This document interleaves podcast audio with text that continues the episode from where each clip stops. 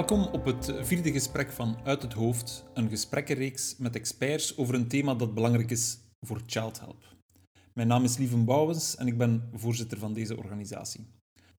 Deze gesprekken zijn te downloaden via je favoriete podcast-app. Aangezien ze geen chronologische reeks vormen, kan je ze dus afzonderlijk beluisteren. En deel ze, zo kunnen we ons werk bekendmaken. Dit vierde gesprek is met Ronald van Ham, een ingenieur, een maker, een lid van het tv-programma Team Scheire. Dit gesprek gaat over hulpmiddelen, technologie en een makersmentaliteit. Hulpmiddelen zijn vaak essentieel voor personen met een handicap. En oplossingen zijn niet altijd voorhanden. Dan moeten we inventief worden met de hulp van mensen zoals Ronald. Een voorbeeld van iemand die inventief is geworden is de bekende jeugdschrijver Roald Dahl. Roald Dahl was ook een maker. Dat is misschien niet geweten van hem. Hij werd geconfronteerd met een probleem waar op dat moment, we spreken december 1960, geen oplossing voor bestond. Zijn zoon Theo was zwaar gewond geraakt in een auto-ongeluk en ontwikkelde een waterhoofd door een trauma in de hersenen. Hij werd geopereerd en kreeg een shunt ingeplant. Jammer genoeg liepen allerlei zaken mis met die shunt. Dus vader Daal ging samen met ingenieur Stanley Wade en neurochirurg Kenneth Till op zoek naar een nieuwe versie van die shunt.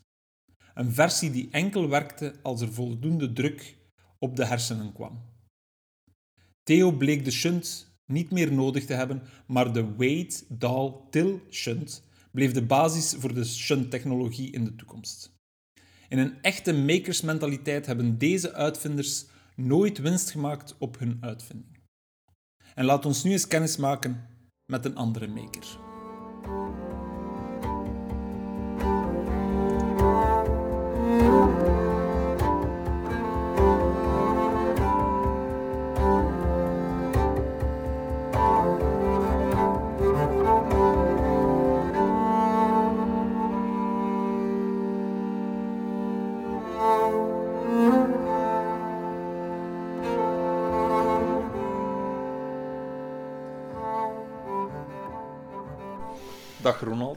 Hallo. Dank u wel om ons hier te ontvangen in een voor uh, mij alleszins een iets wat ongewone ruimte.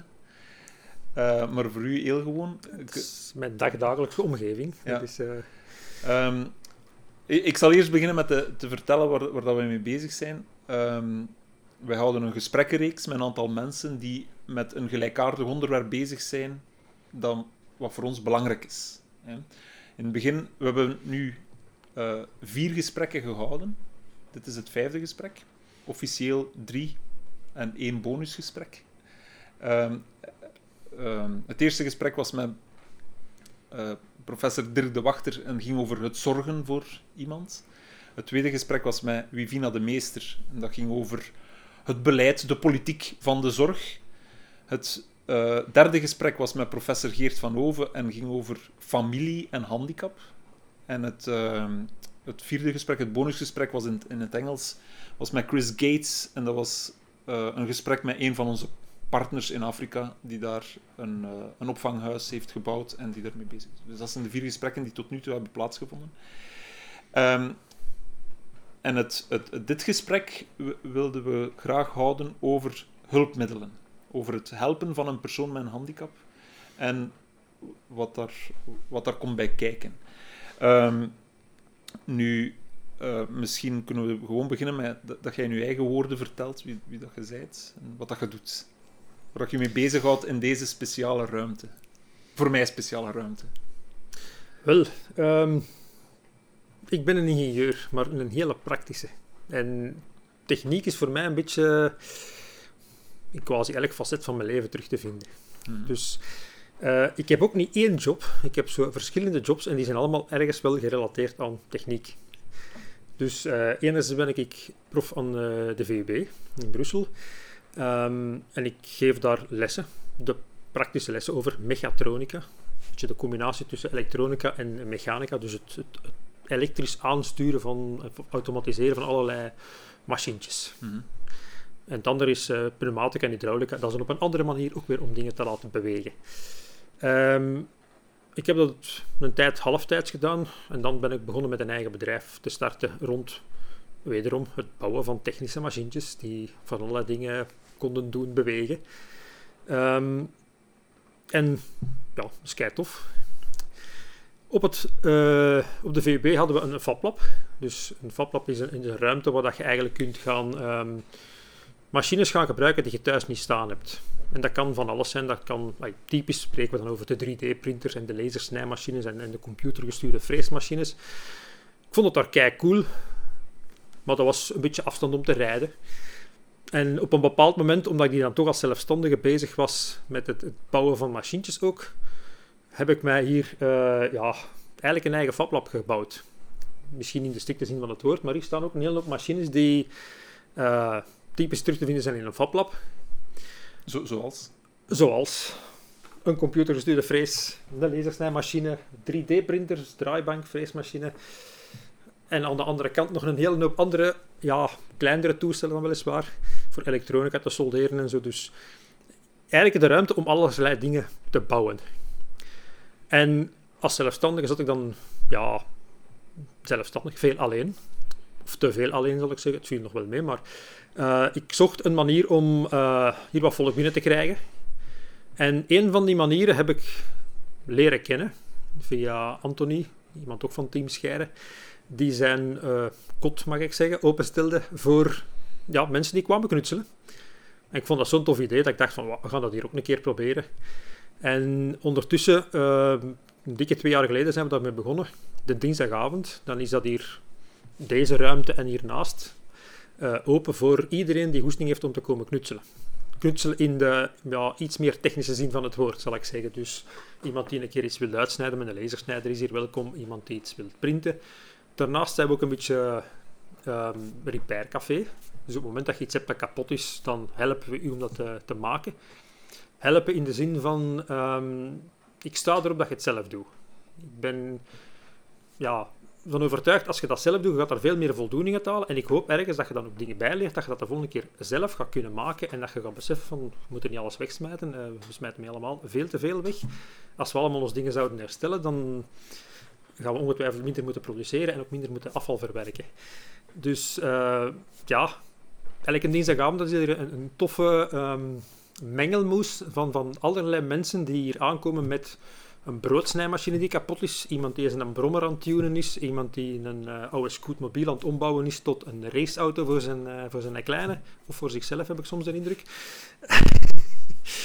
de persoon in kwestie zal ongetwijfeld weten over wie dat ik het heb. Ja. Dus iemand die uh, begonnen is zonder al te veel technische kennis en nu uh, een, een, een, ja, een eigen werkkot heeft vol met rondrijdende karkens van allerlei soorten. Dat is, dat is prachtig om te zien. Mensen die echt gepassioneerd geraken door techniek op oudere leeftijd. ouder, niet overdrijven, maar die, die ja, het niet meegekregen in een opleiding, maar toch wel gepassioneerd geraakt zijn door allerlei dingen te laten bewegen. Ja. En, en uh, waar kwam die fascinatie voor techniek vandaan? Wel, dat is iets dat bij mij begonnen is op, op zeer jonge leeftijd. Ik heb altijd het verhaal gehoord. Um, mijn vader was een, eh, een leerkracht mechanica en elektriciteit in technische en beroepsopleidingen, dus echt het praktische werk. En je had thuis ook een atelier met dan een draaibank. Dus geen CNC-machines en zo, want dat bestond toen nog niet, of, of nog niet betaalbaar. Maar je had ook een, een hobby en dat was een boerderij. En allerlei machines werden daar hersteld. En er is mij altijd verteld dat ik daar vanaf dat ik uh, in een park kon rechtstaan, dus effectief minder dan een jaar, dat ik daar uh, ja, een hele tijd vertoefd heb in die werkplaats. Dus als uh, nuljarige, om het zo te zeggen, ja. heb ik techniek rondom mij gezien en dat is nooit meer weggegaan. En een van de, de leuke anekdotes is dat ja, je begint kleinschalig en op een bepaalde leeftijd, ik schat rond een jaar of tien, kregen wij, ik had, ik had nog drie broers, elke zomer uh, een oude auto om af te breken van mijn ouders.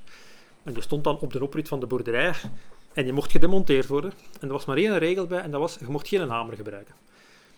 En ik vond dat heel goed gezien van mijn vader. In de zin van, je moet dat uit elkaar halen om te zien hoe dat in elkaar zit.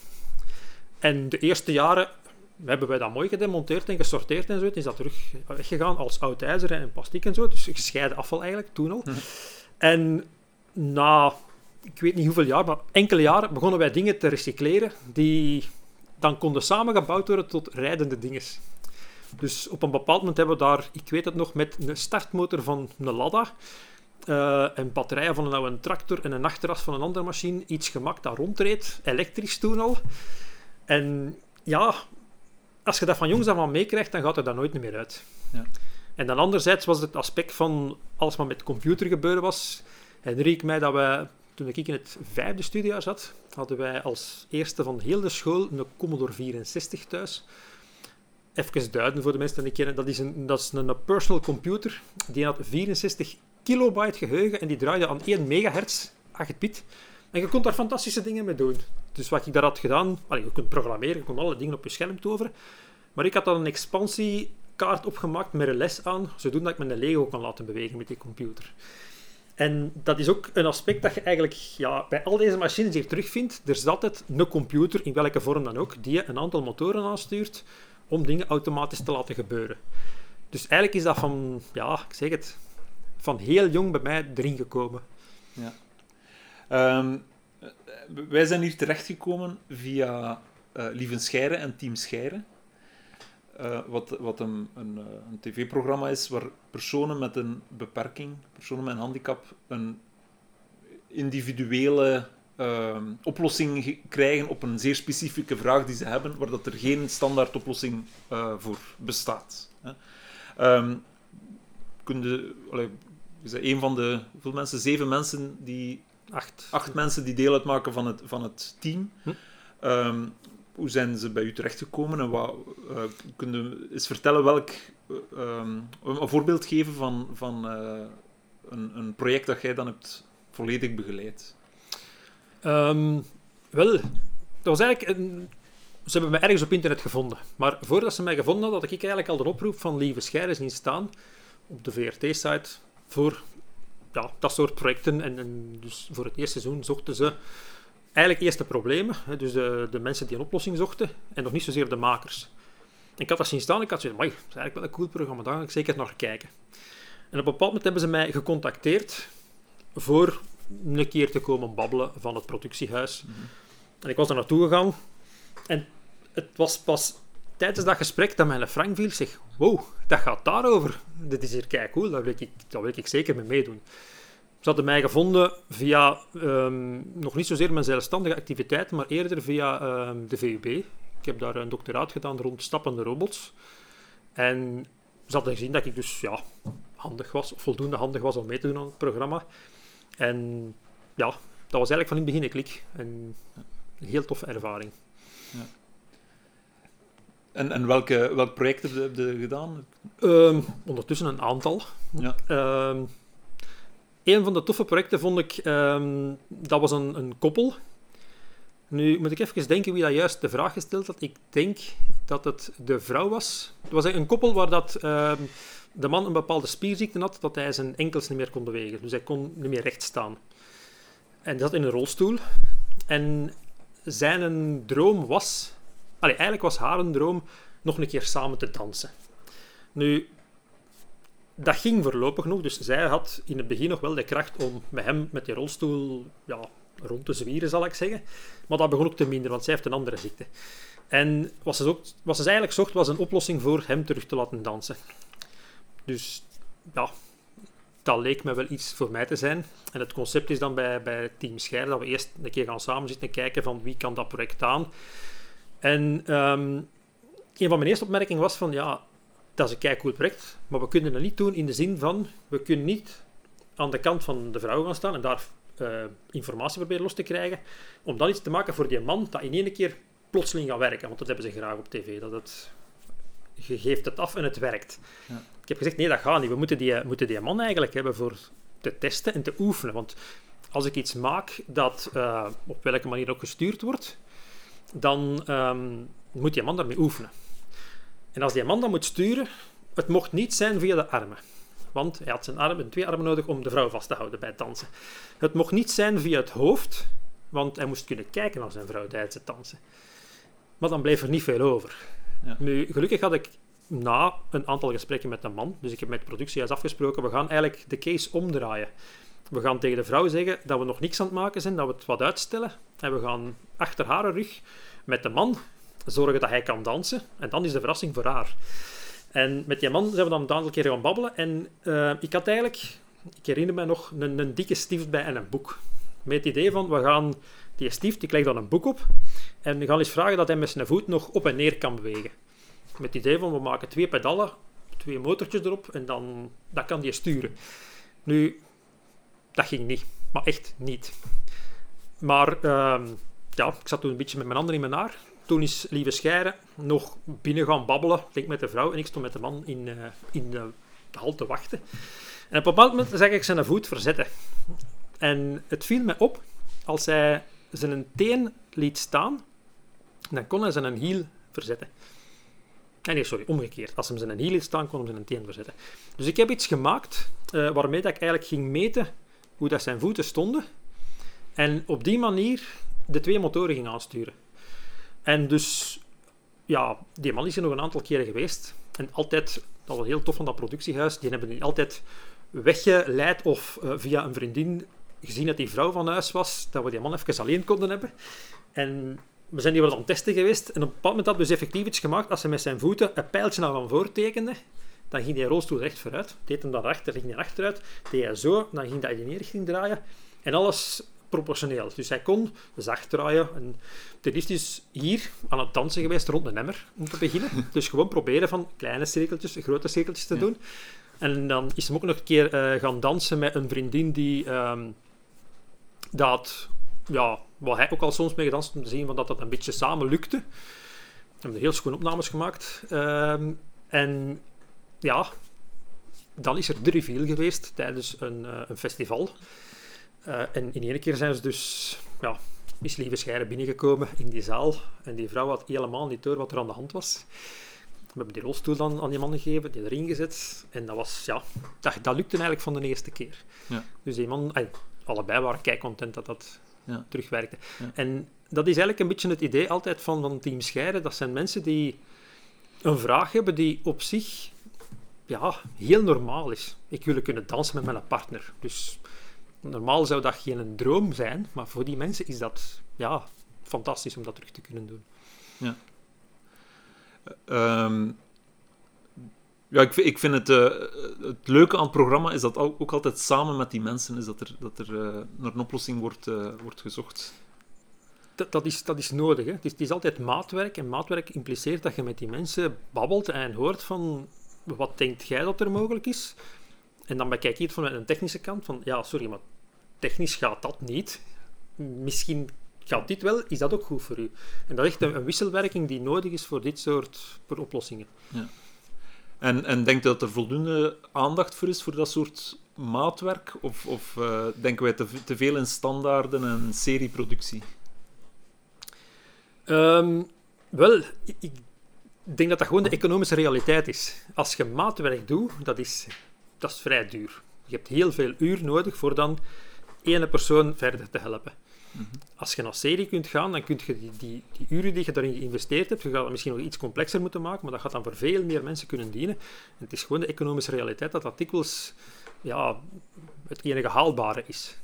Nu, je merkt dat er bepaalde oplossingen tussenin zijn. Hè. Dus je hebt serieproducten die voldoende instelbaar zijn dat je ze kunt aanpassen voor ja, 80 of 90 procent van de mensen die dat gebruikt. Die andere 10 procent, jammer, daar is dan niks voor. En daar is het dan wel jammer dat er geen, geen meer maatwerk is. Het jammer is dat gewoon, als je effectief naar betaalde werkuren gaat kijken, is dat jammer nog niet haalbaar. Mm -hmm. En, en wat, is, wat, is, dan de, volgens u de, de, de meerwaarde, buiten mooie televisie, maar de, de, de meerwaarde van een programma als Team Scheire? Wel, um, het, idee is een stuk die mensen helpen. Mm -hmm. Het andere is, we gaan proberen van mensen aan te zetten om dit ook te doen. En als je gaat kijken naar uh, de oplossingen die, die bedacht worden, dan gaan we proberen een mix te maken tussen een aantal high-tech oplossingen en een aantal, aantal ik bedoel dat zeker niet oneerbiedwaardig, low-tech oplossingen. Zin, in de zin van uh, dingen die je kunt maken die niet veel hoeven te kosten en waar je ook geen uh, ik weet niet, fantastisch brein moet voor hebben. En dan proberen we zoveel mogelijk oplossingen te maken die te reproduceren zijn in uw huiskamer is misschien veel gezegd, maar in dan de bestaande FabLabs, Mhm. die in België en in heel de wereld beschikbaar zijn, waar je dus toestellen kunt gaan gebruiken en dan de plannen van internet gaan halen om die dingen ook te maken. En eventueel, liefst aan te passen aan dan het specifieke geval. Dus Team Scheir is inderdaad een, een mooi tv-programma met de bedoeling ook van de makers aan te zetten om zelf dingen te gaan, gaan maken. En zoals ik net zei, economisch gezien kun je daar misschien niet veel uithalen, maar makers zijn nu eenmaal mensen die graag bezig zijn, die graag dingen maken en die daar hoeven niet voor betaald te worden. Dikwijls hebben die een andere job en willen die gewoon cool bezig zijn met iets, iets technisch.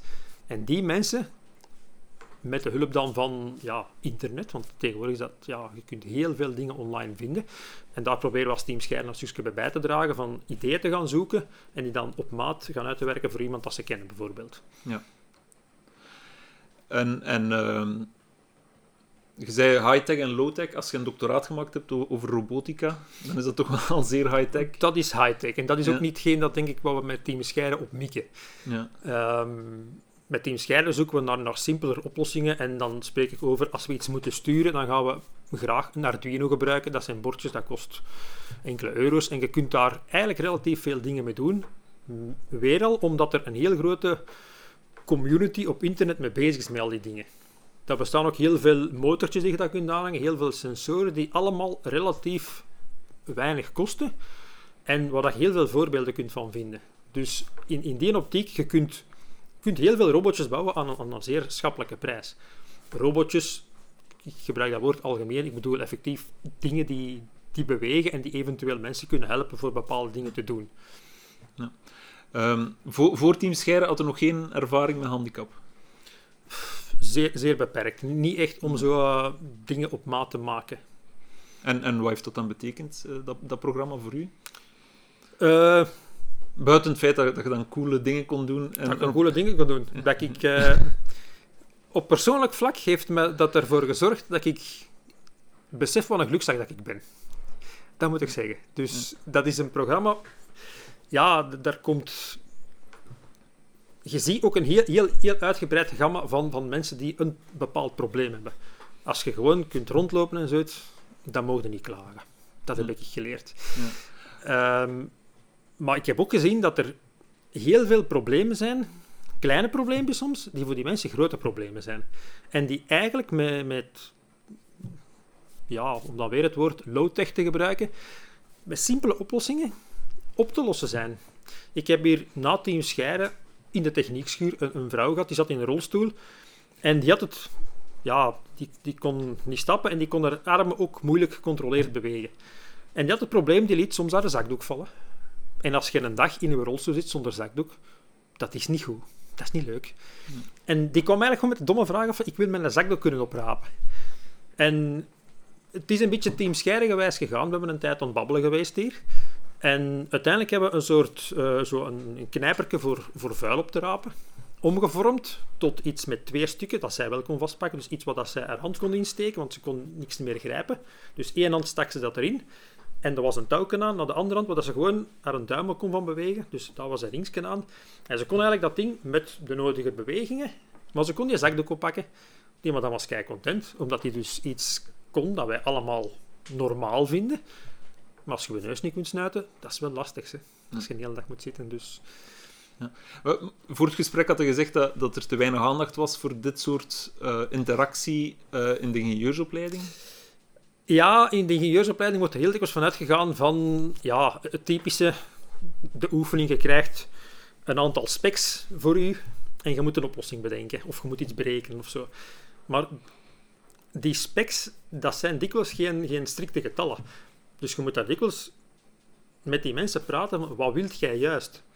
En dikwijls weten die mensen niet wat ze juist willen. Dikwijls moet je met die mensen zeggen van dit is mogelijk.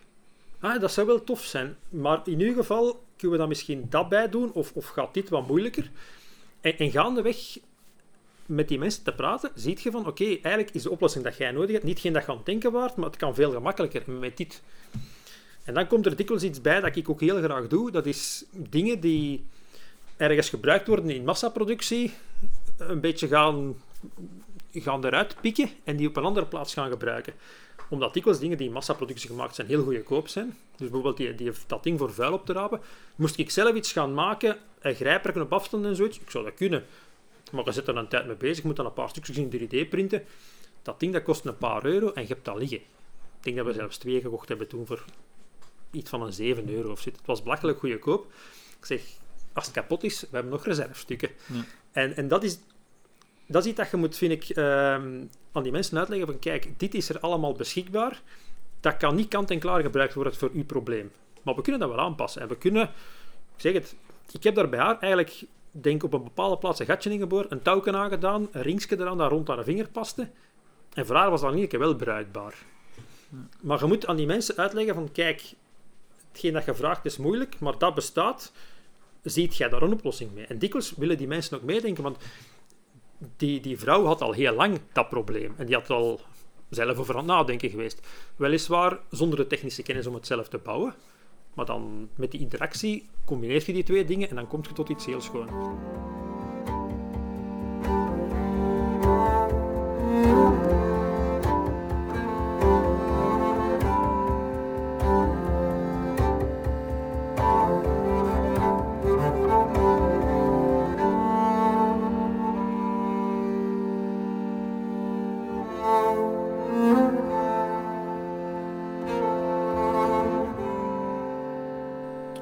Dus, dus eh, w- wij werken met kinderen met een handicap in, in ontwikkelingslanden. Elk jaar zien we er ongeveer een, een, eh, een 20.000 ongeveer. En allemaal hebben ze nood aan hulpmiddelen, aan, aan technologie. Ehm, van de operatie die, die gebeurt, ehm, om een voorbeeld te geven, wij hebben ehm, een leverancier van, van eh, implantaten, een shunt, eh, die in India die dingen produceert en die worden dan geleverd. Dat is, dat is een, soort, een soort technologie die beschikbaar moet zijn, die vaak niet beschikbaar is. Ehm, een ander voorbeeld is ehm, eh, het, het, het gebruik van een, M- een MRI, een, een, een scantoestel. Dat, maakt, dat, dat, ehm, dat heeft nood aan een, een constante en vrij gro- grote stroom, ehm, drijfkracht, eh, om, om die magnetische... Wat is het precies? Want Velden. jij bent een ingenieur, ik ben geen ingenieur. Magnetische velden. Van een bepaald 10 Tesla, ik weet het niet, ik weet de grote orde De niet grote meer. orde weet ik ook Ja. niet van buiten. Ja. Eh, op te wekken om dan eh, in, het, in, het, eh, in de hersenen te kunnen eh, kijken waar, waar de, de ventrikels zitten, de vloeistof, en waar het hersenweefsel is, zodat de, de, de chirurg kan weten, oké, ik kan in, in die richting gaan, of ik moet van die richting komen. En ehm, ja, in, in, een, in een context waar elektriciteit niet gegarandeerd is, is dat een gigantisch probleem. En als er iets kapot is, om het te laten maken, hè, als je een Siemens MRI staan hebt en er is daar iets kapot, dan duurt dat maanden eer dat dat wisselstuk er is. En dus maanden geen MRI, dat is, dat is eh, een, een zeer ja- jammer omstandigheid. En dus, ehm, wij zitten ook in een stuurgroep van de Universiteit van Leiden, die, die eh, aan het proberen is om samen met de mensen in Oeganda een ehm, low-field MRI, noemt dat dan, een, een MRI-toestel dat zeer weinig energie gebruikt, namelijk de energie, en dat is de doelstelling, de energie die nodig is om een koffiezet te, te doen werken. Nu, dat moet in, in lage resolutie gaan en ze hebben een prototype gebouwd. Wat, dat, wat ik interessant vind aan dat, voor, aan dat voorbeeld van die low-field MRI, is dat ehm, eh, het zowel gebouwd wordt in Oeganda als in Leiden. Dat de, de wiskunde die daarvoor nodig is en de programma's die daarvoor nodig zijn, die kunnen ja, samen gemaakt worden, maar die zijn gemakkelijk te transfereren. Maar de doelstelling is om het in Oeganda te kunnen maken, omdat, omdat daar ook gaat gebruikt worden. En als er iets kapot is, dat ze het daar ook kunnen, kunnen, ehm, kunnen maken. Ik, ik heb nog een ander voorbeeld. Dit. Wij, wij moeten dat aankopen in, ehm, in Europa. En dat is een, eh, een konus en een, ehm, een zakje. En dat is niet aanwezig in, in, ehm, in Afrika. Dus we, kunnen dat er, we moeten dat versturen. Je kunt je voorstellen, dat is redelijk wat volume. We hebben er zo een 2000 per jaar nodig. Dus om dat te kopen is dat toch wel vrij, eh, ik zal het even beschrijven, dat is een konus voor uh, continentiemanagement, heet dat dan. Dat is een heel low-tech interventie die een enorme impact heeft op, het, uh, op de kwaliteit van leven, omdat als je, als je continentie niet kunt managen, dan heb je een probleem, dan kun je niet naar school, dan kun je niet sociaal zijn, dan heb je vaak uh, bijkomende gezondheidsproblemen. En dus als je dat wel kunt managen, kun je wel naar school. En dat zijn uh, zeer eenvoudige dingen, maar die niet te verkrijgen zijn dat, omdat er geen markt voor is. Dus die bedrijven die zijn niet actief in Afrika omdat er geen markt voor is. Er is niemand die dat koopt. Nu, wij kopen dat in Europa en we proberen dat op alle mogelijke manieren in, in Afrika te krijgen. Dit, deze konus, die kost 8 euro ongeveer. En dat is gemaakt van siliconen, uh, zacht, uh, zacht uh, stof, zacht plastic. En die zak is een zakje van anderhalf liter. Ehm, met, een, met een buis, een tube aan. En met een pompje dat kan toegeschroefd worden. Nee, pompje is dat niet, met een, een kraantje. Een kraantje omdat op een bepaald moment moet de toevloed, de toevloed van water gestopt worden. Dus, maar er is wel een probleem mee, omdat een, om een kraantje toe te draaien moet je twee handen gebruiken, maar je hebt je al één hand dat in gebruik is en een tweede hand, omdat aan die, aan die, aan die darm hangt, is moeilijk om... Dus gebruiken mensen lokaal vaak een klem die ze zelf maken uit een... Uh, ja, bijna als een speld, zo, een beetje uh, met een hele scherpe hoek, en dat wordt er dan overgeschoven. En op die manier krijg je het ook dicht. Hè? Maar dat is niet ideaal. Dat gaat ongeveer een jaar mee. Hè? Dus we kunnen daar een jaar verder mee en dan moet dat vervangen worden, omdat uh, ja, dat, dat, dat, vergaat toch wel wat. Um, dus stel dat wij, team Scheire gewijs, dit in, in Afrika zouden willen maken door onze mensen die uh, vaak een, een, een, workshop noemt dat dan, een, een soort werkplek hebben zoals deze. Uh, die getraind zijn om uh, orthopedisch materiaal en zo, zo, zo, dingen te maken, om dat te, fabriceren, die ook vaak toegang hebben tot ander soort materiaal. Dus het is misschien niet onrealistisch, maar stel dat we dit zouden willen maken in Afrika, welk, welk proces zouden wij, welk gedachteproces zouden wij moeten doorgaan? Hoe zou jij dat aanpakken als, als dat de, de uitdaging is voor, voor um, een volgend seizoen van Team Scheren? Teamscheren in Afrika. Okay. Teamscheren in Afrika, ja. Wel, dat, dat, dat rubberen stuk... Allee, er zijn mogelijkheden om dat in 3D te printen. Dus er bestaan effectief soepele printmaterialen. Nu, ik weet niet dat ideaal er is, omdat dat eigenlijk nog relatief lang duurt. Dus als je zegt 8 euro, ja, dat is eigenlijk veel geld voor wat het is. Mm. Je moet je... Nu, zijn er andere manieren? Ja, er zijn, er zijn, zijn die je kunt gieten. Dus het komt erop neer om misschien een mal te maken, dat je die gewoon ter plaatse kunt gieten. En dan, ja, natuurrubber, ik weet het niet. Ik ben niet, niet allez, dat is ook niet dat ik, dat ik hier onmiddellijk ga kunnen oplossen. Ja, ja nee, nee, natuurlijk niet. Maar, maar, maar wat, wat, zou je doen, wat zou je dan doen om de, dat aan te pakken? Er zijn manieren om rubber te gieten. Dus als je gewoon een, een mal maakt, die je dan eventueel met een 3D-printer zou kunnen maken. Um, nu, het is ook een, een ja, stuk dat je op een draaibank zou kunnen maken. Als je een mal maakt in hout, dat, dat kunnen ze in Afrika. Ik heb, dat kijk wel Ik heb ooit gezien op een tv-programma waar ze een cilinder van een auto die kapot was, dus een, een aluminium, zeer precies gemaakt stuk. En in Afrika maakten ze op een draaibank uit een blok hardhout een nieuwe cilinder en ze reden daarbij rond. Er is geen één Europeaan die dat kan. Geen hm. ene. Daar kunnen ze dat wel. Dus ze hebben daar best wel knappe mensen zitten. Dus ik denk als je op een draaibank een, een, mal kunt maken om dit te gieten, en je kunt je een rubber vinden die je kunt gieten, natuurrubber eventueel, dan kun je het ter plaatse maken. En dat lijkt me... Het is niet zo'n complex stuk, hè? Het is iets dat nee, nee, het moet kunnen vastge, vastgenomen worden en, en beschermd. Well, ja, dus, dus op zich valt het wel mee. Is er een gaatje in het midden? Ja. Nu, ik denk dat dat zou te doen moeten zijn, door lokale mensen. Zijn, zijn dat de problemen waar je moet mee bezighouden? Of zijn de problemen waar jij je persoonlijk mee bezighoudt anders van aard? Uh, die zijn meestal anders van aard. In de zin, dit is meer iets materiaalkundig. Mm -hmm.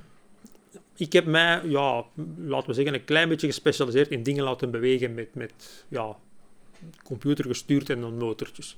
Maar dat hoeft zeker niet altijd zo te zijn. Bijvoorbeeld, ja, het tweede seizoen van Team Scherm hebben ze mij een, een uh, iets voor een geluidstechnicus uh, laten doen. Dat was iemand die gitaar wou spelen en die kon haar voet ook niet goed meer bewegen. Ik heb er dan wat, wat, wat schakelaars moeten tussen zetten. En met de nodige bromgeluiden die dan in één keer verschenen. Dus dat was iets totaal ja, dat ik nog nooit gedaan had. Ik speel ook helemaal geen gitaar of geen ander muziekinstrument. Dat is helemaal mijn ding niet. Dus ik vond dat wel tof om een keer iets te doen van totaal nieuwe dingen te, te leren. En dit lijkt me ook zoiets van, dat, dat moet te doen zijn, om daar iets voor te bedenken. En ik heb al gemerkt, soms werkt dat ook veel beter als je een keer iets doet dat totaal buiten je ding is, dat je dan ja, nieuwe inzichten krijgt of het op een andere manier bekijkt dan de mensen die er wel mee bezig zijn. Ja. Ehm, wat je net zei van Afrika, dat, dat ze uh, veel knappe mensen hebben, dat is, inderdaad waar. Ze, ze zijn zeer inventief om met lokaal beschikbaar materiaal uh, iets te doen ja, maar dat, dat is iets dat wij hier aan het verliezen zijn. Hè. Dat is, dat is ongelooflijk. Vroeger had, uh, ja, laten we zeggen, elke vader een werkkot. En als kind kon je daar binnen en je kon daar...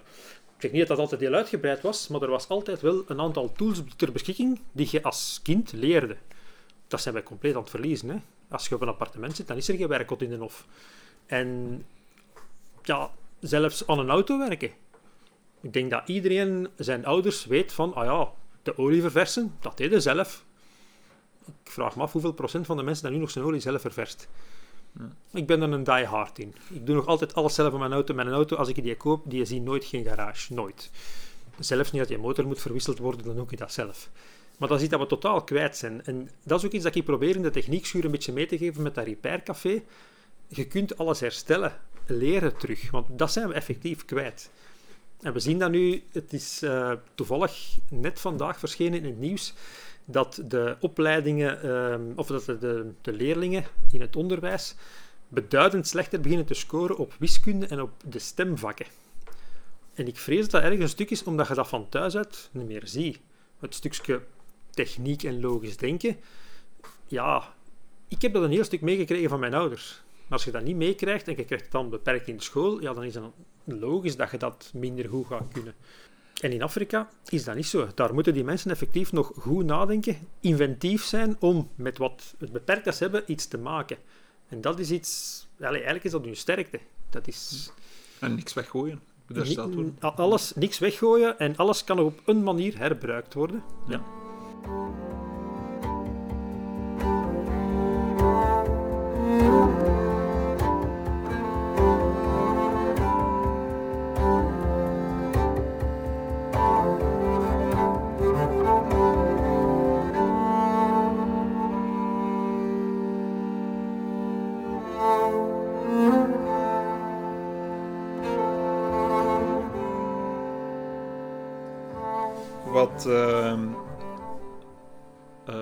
Wat ik heel interessant vind in, in gesprekken, is dat, uh, dat de gesprekspartner die wij hebben ons een, ehm, eh, iets vertelt over, een, over een, een suggestie die je kan, die kan doen om te lezen of te, of te, bekijken of te beluisteren.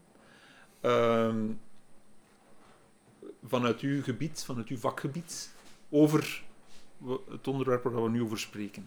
Zijn er, zijn er zo suggesties die je kunt doen? Niet qua lezen, want ik ben iemand die heel weinig leest. Dat is raar, maar nee, het zegt, zegt, me weinig. Ik ben meer iemand die aan het creëren is. Um, maar, maar, luisteren, um, er zijn voor Team Scheire podcasts opgenomen. Uh, die, die staan bij, bij Nerdland Maker Talks. En dat zijn eigenlijk een reeks gesprekken met makers. Mm -hmm. En speciaal voor dan de, de tv-afleveringen zijn ze daar eigenlijk per tv-aflevering veel dieper op ingegaan, veel technischer. Dus het tv-programma is iets dat een hele mooie tv is en een klein beetje technisch. Wij als maker vinden dat wat jammer. Wij hebben eigenlijk veel liever zo de... Het, wat zit er allemaal technisch achter en hoe is dat ontstaan en, en wat moet je daarvoor kunnen en waar kun je de informatie over vinden? En dus na elke aflevering is er een podcast opgenomen van grofweg een uur. Met dan veel meer technische diepgang. Van waarom, zijn, waarom was er dat probleem en hoe heb je dat dan aangepakt? En, dus dat soort gesprekken. Ik denk dat daar, als je geïnteresseerd bent, heel veel uit te leren is. Eigenlijk gewoon, ja. Dat is een suggestie om te kijken, maar ik zou ook zeggen van, ik kijk rond op internet. Er is gigantisch veel te vinden. Als je geïnteresseerd bent, in mijn jonge tijd, wij moesten de lectuur lezen één keer per, ik weet het niet, een week of per maand dat het was. En dan kon je wat nieuwe dingen binnenkrijgen. Of je moest naar een bibliotheek gaan, waar dat dan helemaal vergeelde boeken stonden met allerlei dingen die helemaal meer interessant waren. Nu heeft iedereen in zijn broekzak een gsm zitten, waar dat je naar YouTube kunt kijken, waar dat gigantisch veel filmpjes op staan van hoe moet ik dit doen. Bijvoorbeeld, als je, zeg maar iets, aan je auto wilt werken en je wilt, misschien een slecht voorbeeld, maar stel je voor, je wilt je remmen zelf vervangen. Ik raad misschien aan van iets, iets te doen wat minder kritisch is bij een auto, maar als je zegt van ik wil dat toch vervangen, je typt in YouTube in het model van auto en how to repair brakes. Je vindt tien filmpjes van mensen die dat doen en dat dat moet doen. Dat is echt... Het is bijna niet meer mogelijk om iets, iets nieuws op YouTube te zetten. Er staan zoveel filmpjes op van hoe dat je iets bepaald moet doen. Hoe moet ik een 3D-printer afstellen? Er is iemand die dat uitlegt. Heel dikwijls in het Engels, maar oké, dat, dat, is gewoon zo. En denk dat dat voor de meeste mensen ook niet eens zo'n probleem is. Maar je kunt gigantisch veel informatie vinden als je ze wilt zoeken.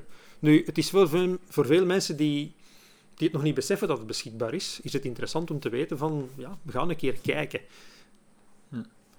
Maar, maar er, is, er is ook wel een probleem met de, met de hoeveelheid informatie die aanwezig is. Het, het wordt niet meer gefilterd. Hè. Er is... Er is uh... Het is, het is ongelooflijk Wat is belangrijk, wat is goed, dat, dat, is zeer moeilijk om als leek dan in te schatten. Ik ga er altijd vanuit dat het, het, uh, het probleem dat ik heb, wat dat, dat probleem dan ook is, dat, uh, dat ik niet de eerste ben die dat probleem heeft gehad. Iemand anders gaat dat in ja, dat is 99,99% van de gevallen al ja. meegemaakt hebben. Sowieso, dus als je dan begint te zoeken, dan vinden we wel een oplossing die iemand bedacht heeft ja. en online heeft gezet. Ja, absoluut. Dus ik vind, probeer dat. En dat is iets, misschien gaat dat de eerste keer een beetje onnatuurlijk overkomen van dat te gaan op te zoeken, maar dan een, een tijd heb je zoiets van, ja, ik ga eerst eens kijken hoe zij dat gedaan hebben. En ja, het zelf uitzoeken, ik vind nog altijd dat dat, ja, moet ik zeggen, meerwaarde is misschien niet het juiste woord, maar dat geeft een bepaalde voldoening, want ik heb dat hier toch zelf gevonden. Maar je steekt daar veel meer tijd in. Het is veel gemakkelijker om te gaan kijken wat hebben de anderen gedaan en eventueel die oplossing wat aan te passen naar, naar uw ding.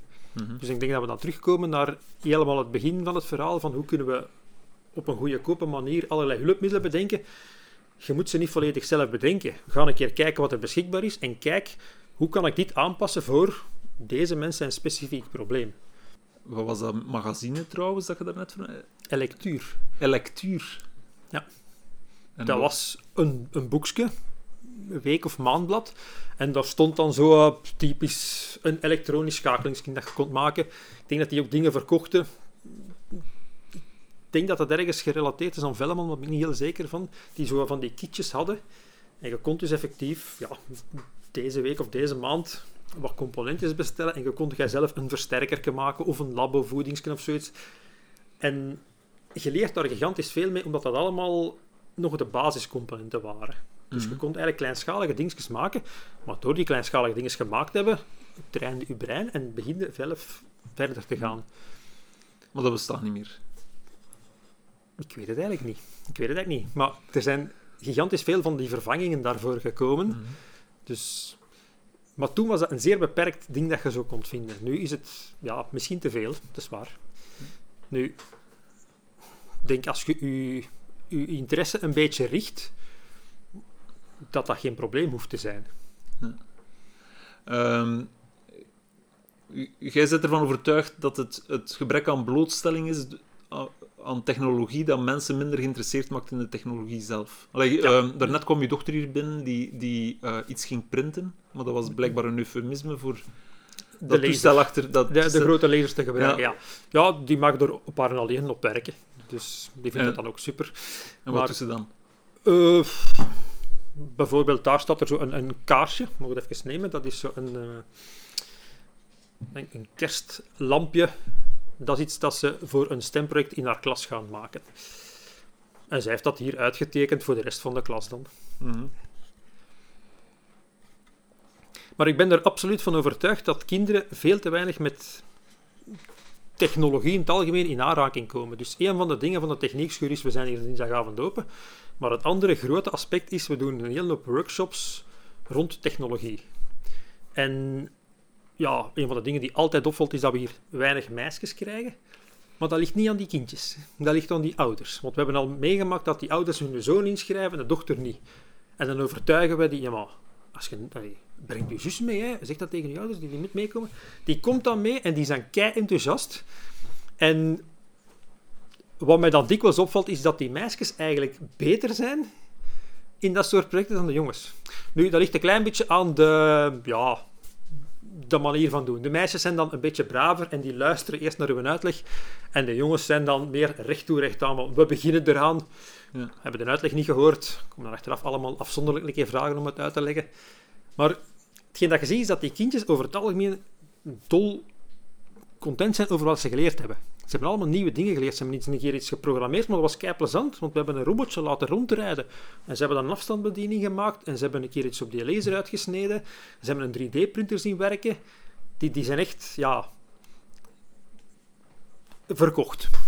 Ja. Daar zijn er heel veel bij. Ja, nu weet ik wat je kan studeren. Ja. Dan denk ik bij mij, wel, ja, geslaagd. Hè. Dat is... Dus hier in de techniekschuur doe je die workshops? Ja. Dat, wat zijn dat kampen of zo? Eh, ja. Dat zijn kampen, dat zijn eh, avonden, dat zijn uh, één dag in een weekend. In de zomer zijn dat vijf dagen kamp. Ja. Dus een, een, beetje voor, ja, we proberen ze wel op verschillende leeftijden te mikken ook. Ja. Je hebt uw, uw, uh, uw dinsdagavonden, ja. repaircafés, of is dat de, dat, dat is samen. Samen. Dat is, de dinsdagavond is het van 7 tot middernacht open voor iedereen die met techniek wil bezig zijn. Ja. En, en dat is het sociale gebeuren van uw techniek Dat is het sociale gebeuren voor alle leeftijden. Ja. We hebben dan de, de, de workshops en kampen dan specifiek naar de kinderen toegericht. Wat we ook doen is uh, samenwerken met scholen.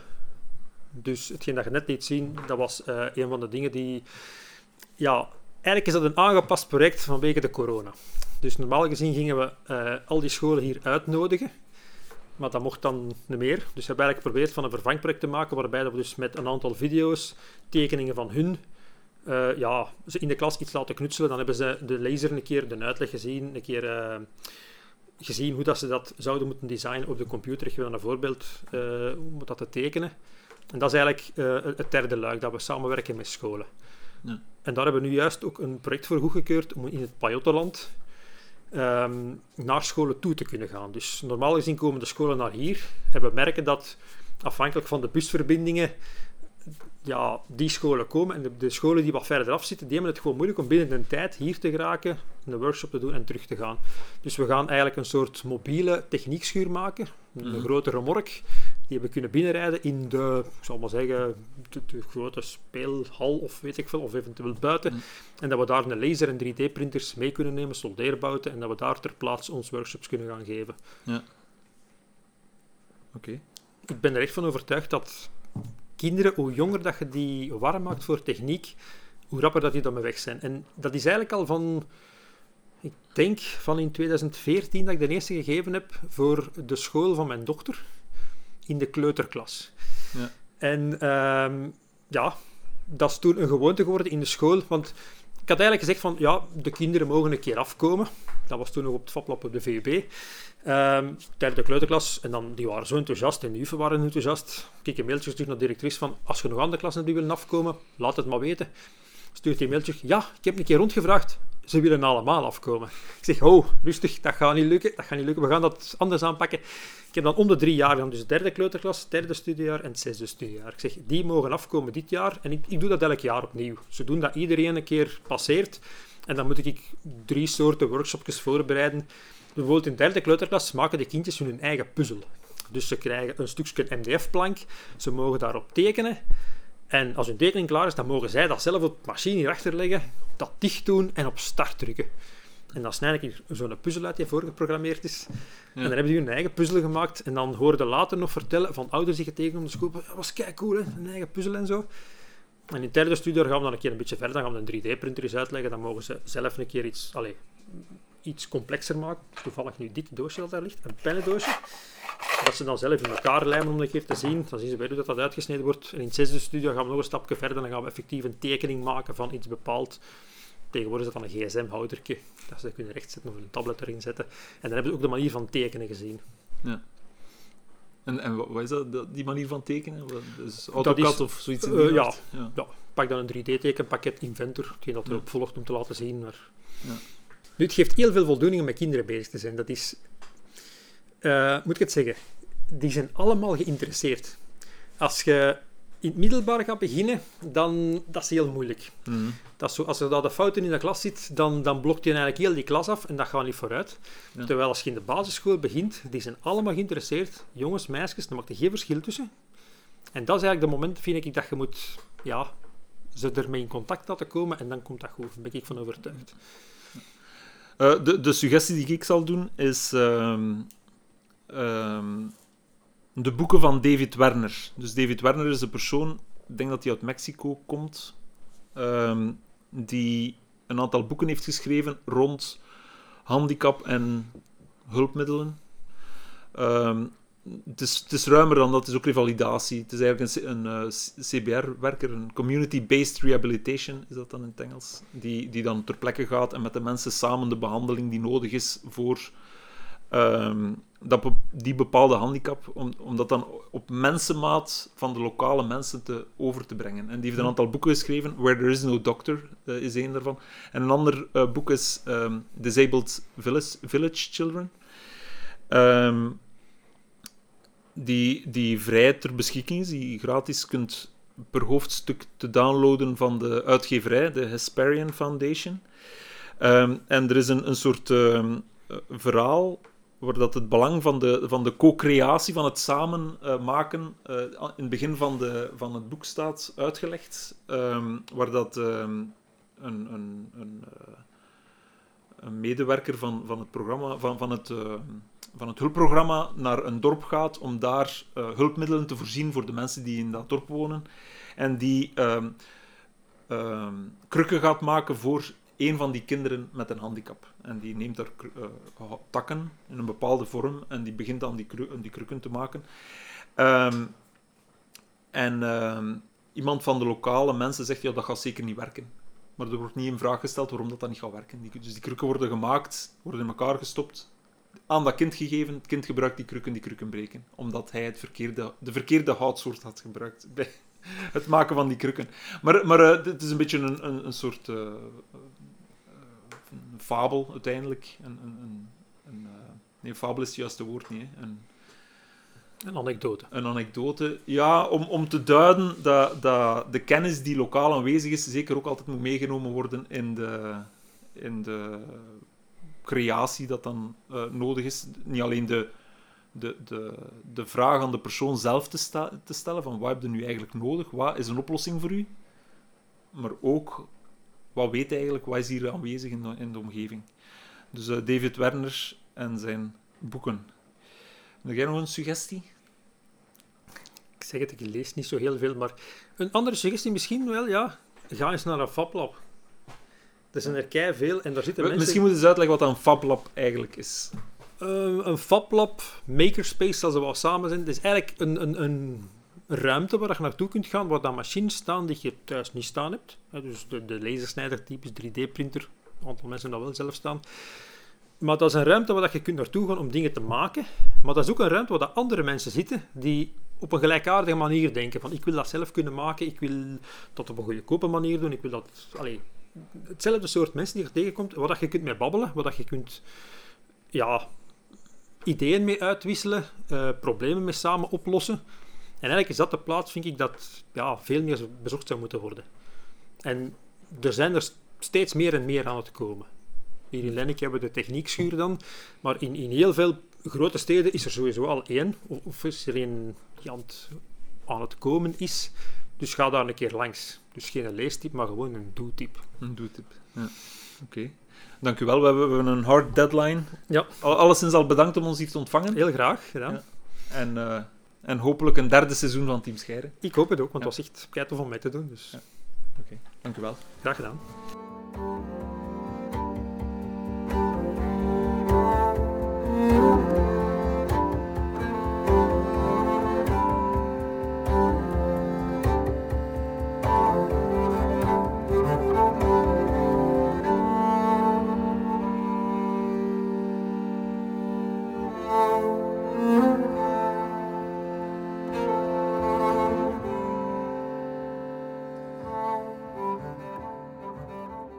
Dit was het vierde gesprek in de reeks Uit het Hoofd. We danken ingenieur Ronald van Ham voor zijn gastvrijheid in zijn eigen FabLab. Blijf onze reeks volgen, we vertellen graag ons verhaal. Deel dit gesprek gerust en volg ons op sociale media of op childhelp.be. Het gesprek werd opgenomen door Weta. Je kan hen vinden op weareweta.eu. De muziek is van Joris van Vinkerrooyen, componist en contrabassist, zeker te ontdekken bij Basta, Flerk of Troisseur. Ik, Lieven Bouwens, deed de productie en samenstelling van het gesprek.